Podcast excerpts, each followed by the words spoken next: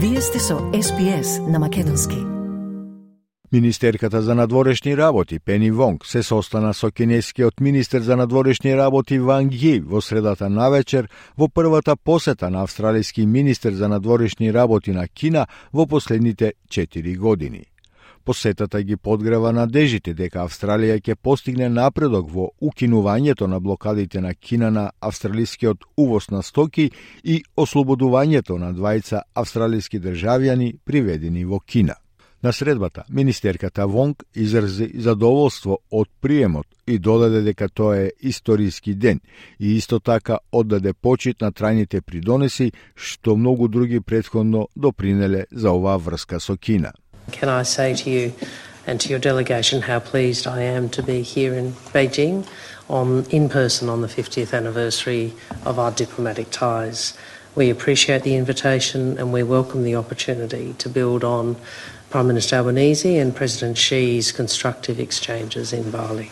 On this day, as you say, an historic day, we also pay tribute to the enduring contributions that so many others who've gone before have made to this relationship. Сенаторката Вонг ја истегна важноста на односите на Австралија со Кина. Таа меѓу другото рече дека владата јасно ставила до знаење дека е во интерес на Австралија односите со Кина да се стабилизираат. Сеопфатното стратешко партнерство меѓу Австралија и Кина е архитектура за диалог и за ангажман што ќе биде од корис на двете земји. Министерката Вонг додаде дека ќе продолжат да го градат ставот дека можат да се зголемат билатералните односи и да ги подржуваат соодветните национални интереси. The government's made clear that we believe it's in Australia's interest for our relationship with China to be stabilised. We've also made clear we believe it is in China's interest for the relationship to be stabilised.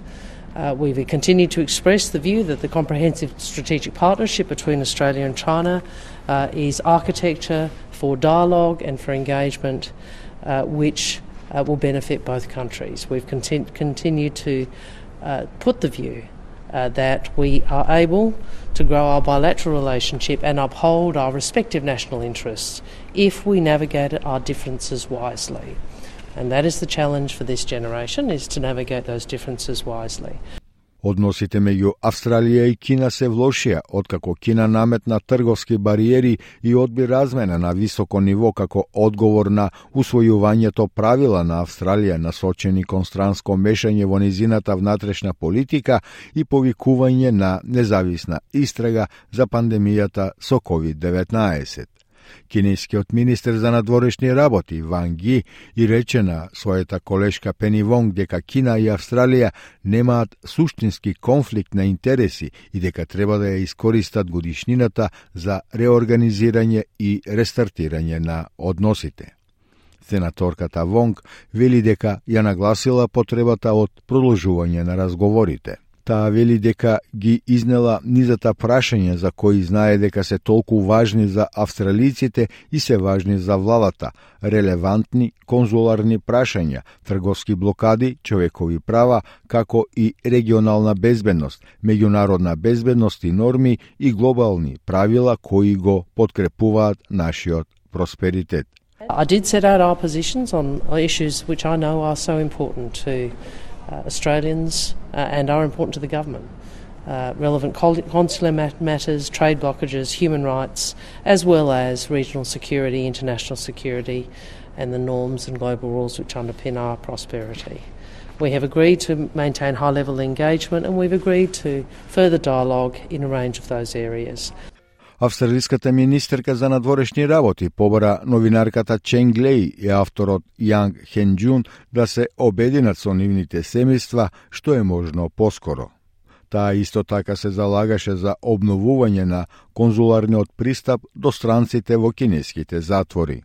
Министерката Вонг исто така додаде дека се залага за почитување на конзуларните договори и за оние австралици кои имаат конзуларен пристап. Uh, look, of, of course, I discussed uh, Ms. Cheng Lei and Dr. Young. Uh, we raise that in every senior level engagement that we are able to, and I've raised that in each of the discussions I've had uh, with the State Councillor. Uh, and we advocate for a range of things in those discussions.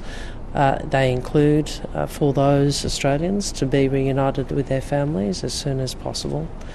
Uh, but we also advocate for uh, the observance of our consular agreements and for those Australians who have consular access.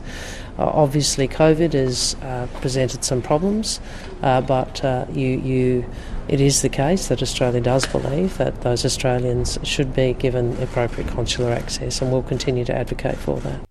Сенаторката Вонг исто така разговараше за прашањата за човековите права, вклучително и во Тибет, Хонг Конг и третманот на ујгурското население во Ксинџијанг. Таа сигнализираше дека ќе има понатамошни случувања за различни трговски прашања поврзани со блокадите кои ќе влијат на австралискиот извоз вреден околу 20 милиарди долари по незината средба со господин Ванг.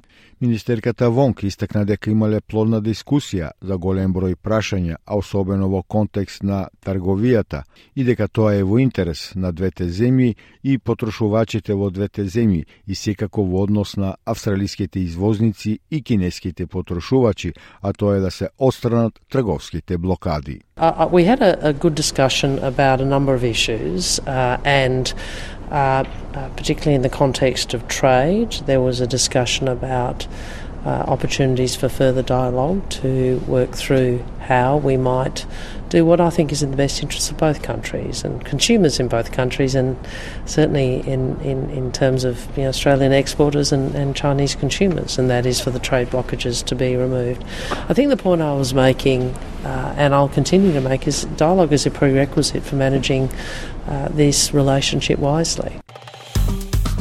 Стиснете, ми се допаѓа, споделете, коментирајте. Следете ја SPS на Македонски на Facebook.